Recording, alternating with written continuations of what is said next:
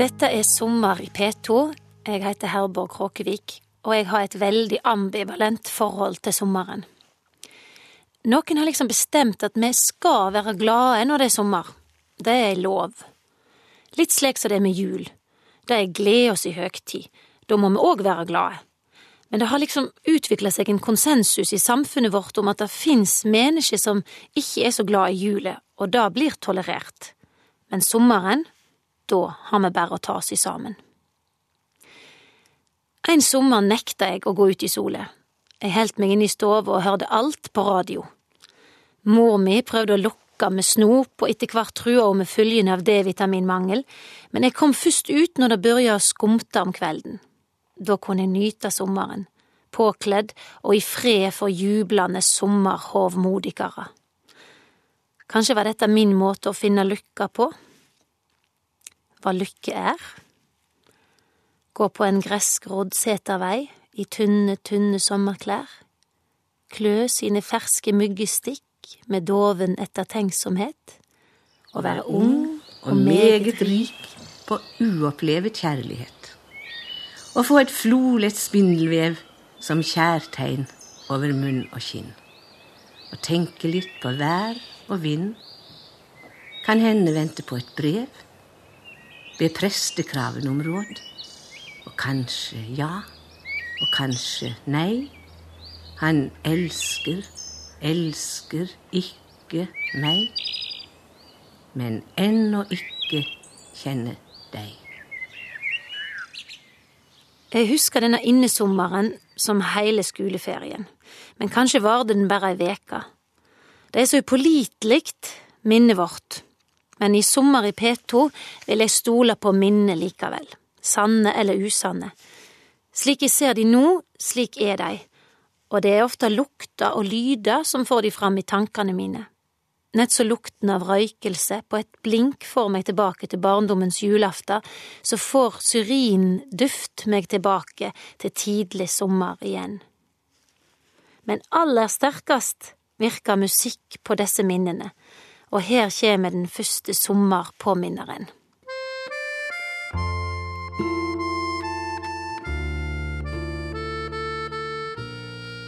Det er umulig for meg å være gjest i dette programmet uten å ta dere med hjem til sommeren i Drebrekket og på Gryting.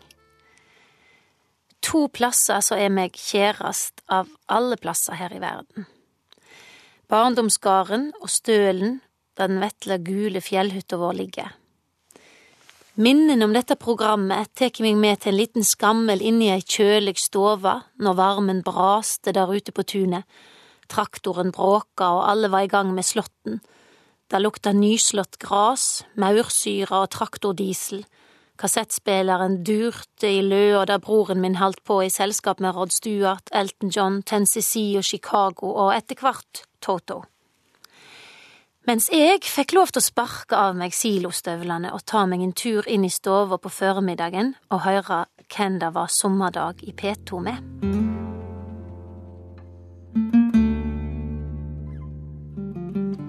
Jeg tror dette var kjenningsmelodien til Sommerdag i P2 i gamle dager, det vil si på 70-tallet. Her framført av trioen Frode Alnes, Stian Karstensen og Arild Andersen. En kjenningsmelodi NRK klokelig ikke har rokka med, er reiseradioen sin. Dette er jo selve symbolet på radiosommer for mange her i landet, og det er òg et spor for meg som leiter etter sommeren sitt soundtrack. Hva for musikk hører jeg når jeg spiller film fra sommeren inni hodet mitt? For det har jeg alltid gjort, laga film inni hodet, altså. Det starta når jeg leika i sanden så liten, med biler. Jeg lagde fjell og daler av sand og steiner og metervis med veier så bilene kunne kjøre på. Ikke først og fremst for at bilkjøringen var så spennende i seg sjøl, men fordi at jeg kunne synge den musikken de hørte på inni bilene. Dette var sjølsagt en ensom leik. Det passer ikke å drive på med dette hvis en eller annen med en irriterende egenvilje kom på besøk og ville leike noe annet enn meg i sanden. Jeg ville synge bilstereoen sin musikk og se for meg landskapet sjåføren så gjennom frontruta si. I remember when Rock was young, me and Susie had so much fun. Elton John er en av de i soundtracket mitt som får fram de aller tidligste sommerminnene. Gøran Fristorp en annen. Og så er platene hans for meg destillert sommer på et glass. Jeg kan lufte på lokket og bare høre bitte litt, og så er jeg der, i sommernatta i Drebrekket, med lyden av voldsomme bekker som kaster seg utover fjellsidene, sauebjødler som klirrer i det fjerne, susing i ospetreene utenfor glasset mitt og knitring i gardiner som kaster seg fram og tilbake i sommerbrisen.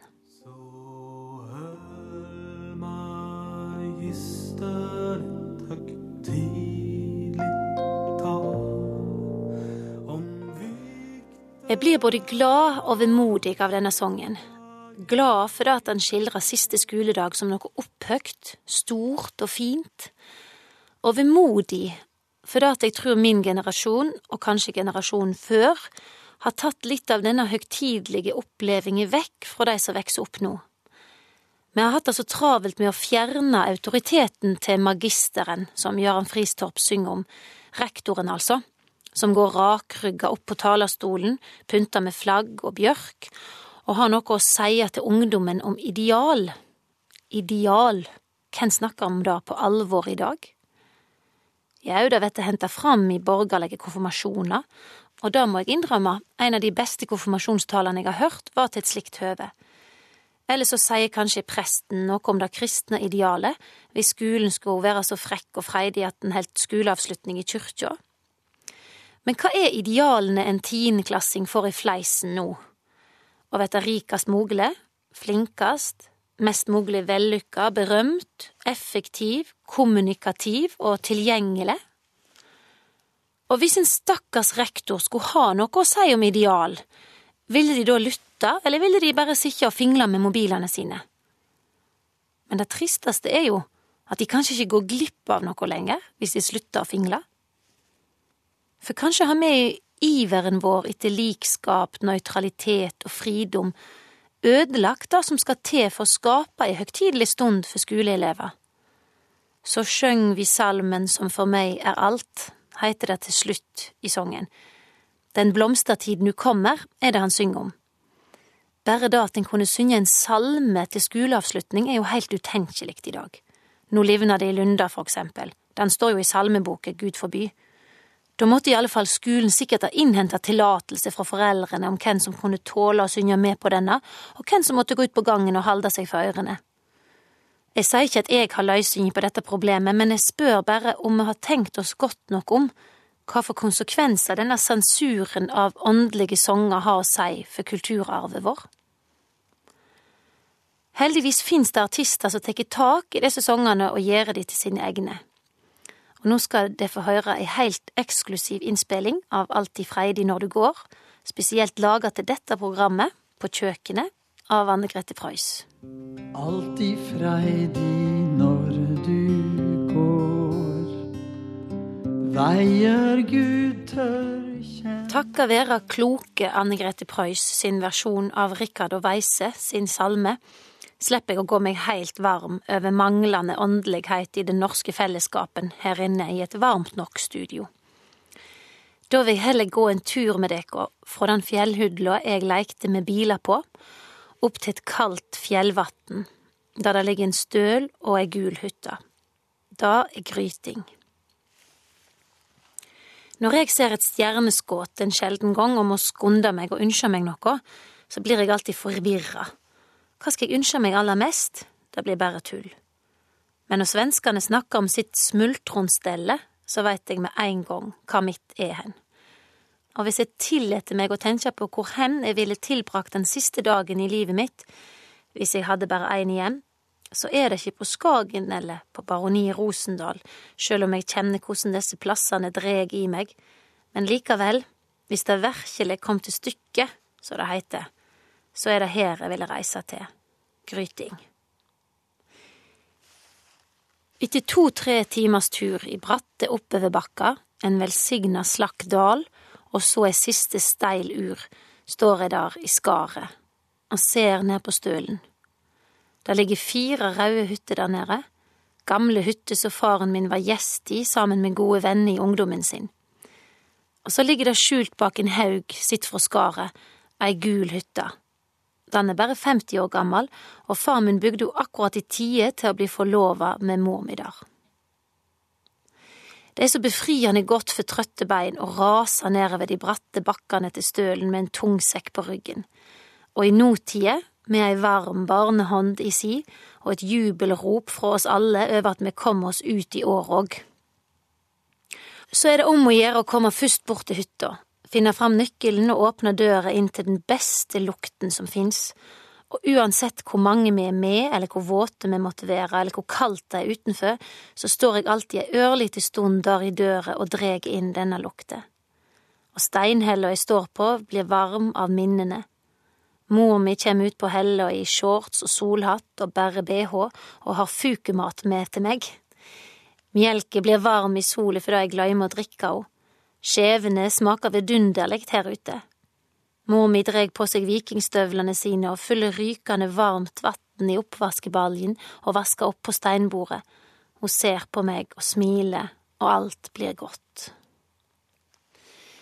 Hvordan kan det ha seg at jeg, med disse velsigna gode sommerminnene, har et ambivalent forhold til sommeren? Jeg skal spare dere for å gå i terapi framfor Rikskringkastningens åpne mikrofon, men jeg tror det har noe med trong for kontroll å gjøre og trangen for et skall å krype inn i.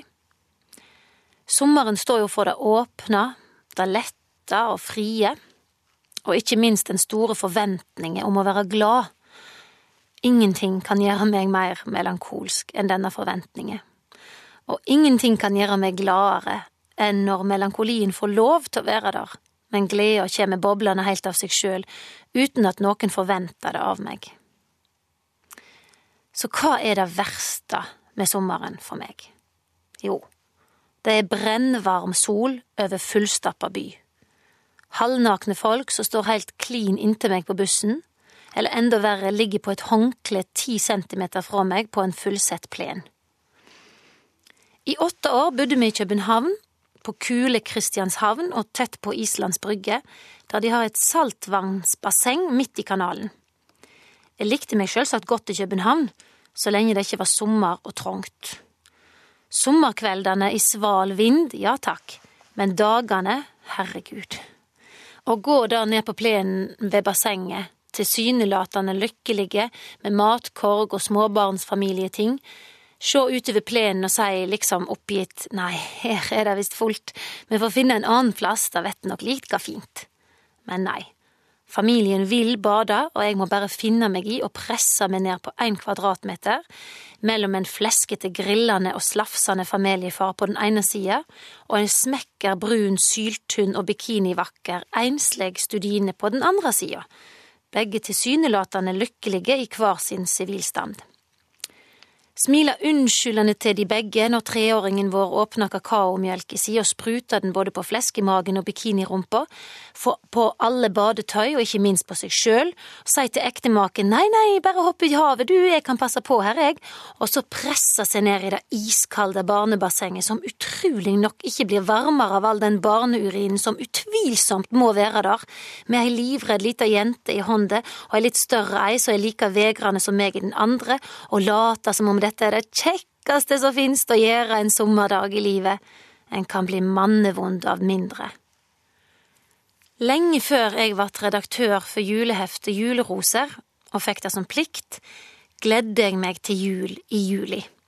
Jeg har nemlig alltid hatt det med å synge julesanger når jeg blir ekstra glad, og trass alt så kommer jo sommeren med glede til meg òg.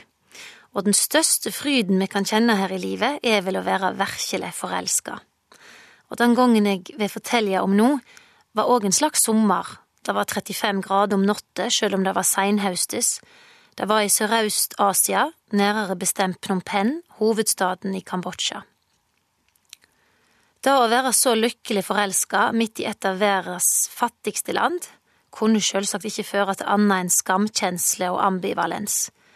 Men nett denne natta, den første natta jeg forsto at forelskinga så ut til å være gjensidig, så gav jeg fanden i ambivalens og sang høgt hele veien heim i sykloen. Have yourself a merry little Christmas, make the yuletide gay. og den radmagre, tannløse syklisten som svetta for at jeg skulle komme meg torskodd tilbake til hotellet, sang med, og han lo og lo for da jeg sang julesanger han faktisk hadde hørt.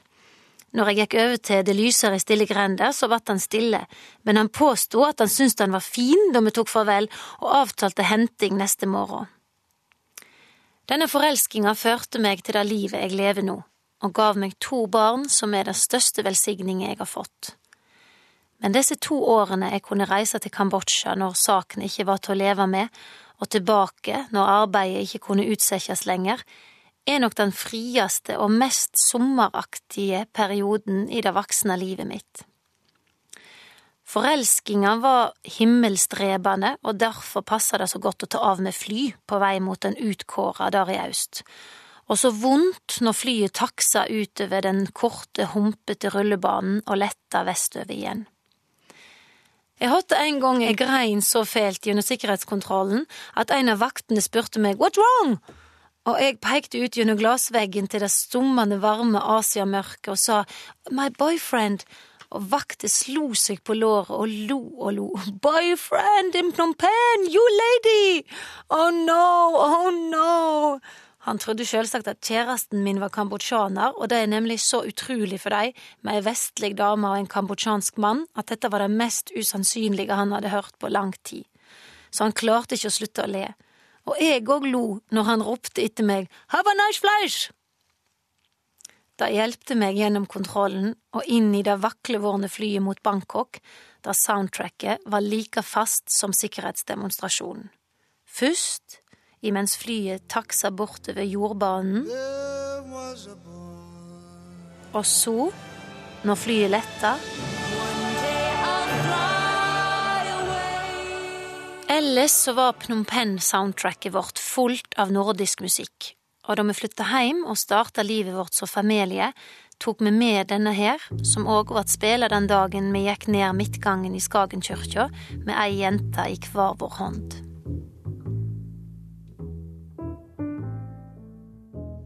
Og her var det Jan Johansson som spilte Visa fra utan myra. Jeg heter Herborg Kråkevik og er gjest i Sommer i P2. Juleroser er noe jeg har drømt om å få være med og lage helt siden jeg oppdaga disse gamle heftene i barndommen min. Og nå har drømmen blitt veldig realistisk og veldig krevende, men akk så gjevende. Tenk å få lov å lese en splitter nyskreven tekst før alle andre. Det er nesten like stort som å åpne et kjærlighetsbrev. Jeg har alltid kjent meg så trygg i nærleiken av bøker, og djupt skeptisk til rom blotta for bøker. Dette kommer selvsagt av at jeg vokste opp i en heim som var tapetisert med bokhyller, og blitt oppdregen slik at vi kunne finne på mye rart uten de store avstraffelsene, bare vi les. Hvis ikke vi les, var vi fortapte. Og jeg kjenner det faktisk slik i dag. Jeg kjenner meg ikke skikkelig i live hvis jeg ikke er i gang med ei bok. Det eneste litt triste med julerosearbeidet er at jeg sjelden har tid til å bare lese ei bok om gangen. Nå er det så mange nye forfatterskap jeg må gjøre meg kjent med for å holde meg orientert, så jeg ofte må lese tre bøker på en gang. Men det store med arbeidet er at jeg får innblikk i hvordan proffe redaktører arbeider med forfatterne, og blir med på reisa fra førsteutkast til trykkeferdig verk. Selv om jeg bare er en glad amatør, så får jeg lov til å blande meg, for det er jo sånne som meg som skal lese heftet, i tillegg til en og annen litteraturprofessor, håper jeg. Av og til får jeg lov til å bestemme òg, som når vi arbeider med et dikt og de proffe mente én ting, jeg noe annet og forfatteren sto midt imellom. Det var da jeg treiv til det sleske knepet og viste til tidligere stordomsdikt. Jeg veit jo ingenting om hvor mange omskrivninger Tarjei Vesaas sitt dikt Innbying var igjennom om det var noen som blanda seg, men når jeg sa til redaksjonen tenk hvis noen hadde spurt Vesaas om hvorfor det skulle stå akkurat slik, da fikk jeg viljen min.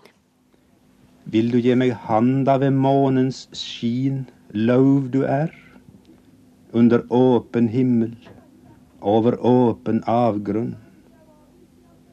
Som lov er du og jeg, fort skjelvande og fort borte, kom. Et par somre fikk jeg lov til å reise rundt til de vakreste plassene i landet vårt med Trondheimssolistene og norske songboksanger.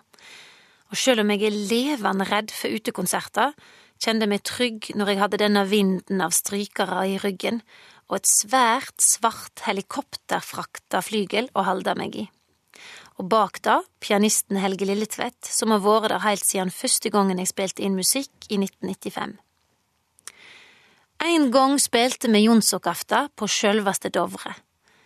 Neste konsert var på Baroni Rosendal, og turen vest gikk over Valdresflya med buss gjennom den ljose sommernatta. Jeg fikk lov til å sitte i guidesete på bussen og låne pianisten sin iPod. Og nå satt jeg altså der, inni den leikebilen eller bussen som jeg hadde sunget til i Sandhaugen, og fjellene jeg så oss suse igjennom, var ekte fjell. Og ja, det strømde på meg så jeg knapt kunne anda. Heilt passende suste vi òg forbi det gigantiske hovet til Vinje hogget i stein ved Bygdinvatnet. Det er fælt å innrømme det, men dette er en av de største naturopplevelsene jeg har hatt. Fælt, for det er jo ikke ei ekte naturoppleving når en sitter inne i metall, gummi og mekanikk, men ekte fordi alvoret i naturen kom så tett på. Kanskje måtte farten til for at jeg skulle klare å ta det innover meg.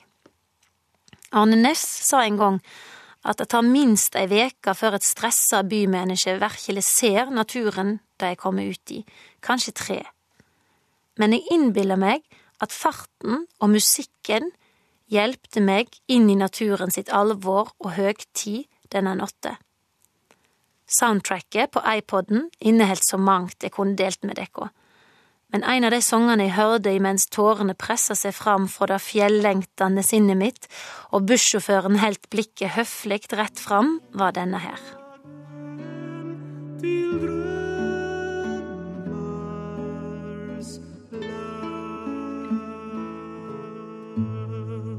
Denne sangen, Sommernatt av Evert Taube, tolka av Jørgen Fristorp, og Duften av syrin tar meg altså med et knips tilbake til en søndag i Drebrekket. Jeg er aleine hjemme med bestemor mi, som er inne på kjøkkenet og lager kjøttkake og sjokoladepudding. Ingenting av det er hjemmelaga, for bestemor mi likte ikke husarbeid. Hun likte å være mest mulig ute, så dette med matstellet skulle bare ordnes fortest mulig, sånn at hun kunne komme seg i gang med å være ute.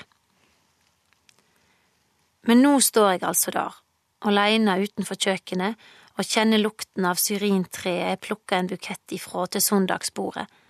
Jeg har en hvit blondekjole på meg og et rødt og hvitt serveringsforkle som jeg har lånt for at jeg skal likne på karakterene i et engelsk historisk drama jeg har sett på fjernsyn. Jeg er kanskje tolv år og drømmer om de store tingene i livet.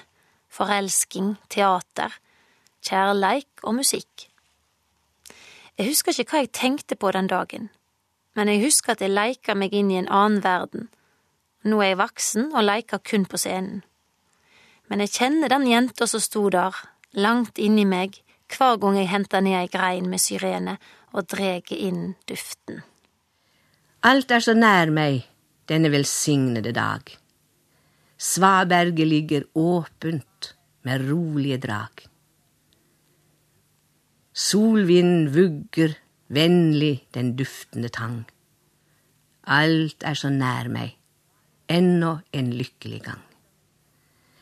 Barndommens vekster gror i hver fure og sprekk, med sine kjente, blide og rørende trekk. Går er en liten pike fremdeles hver kveld og plukker blomster og snakker høyt med seg selv. Lenge var jorden øde og himmelen tom. Dypt i mitt hjerte åpner seg rom etter rom. Alt som er nær meg, gir meg et klarøyet svar. Nå kan jeg rekke hånden til henne jeg var.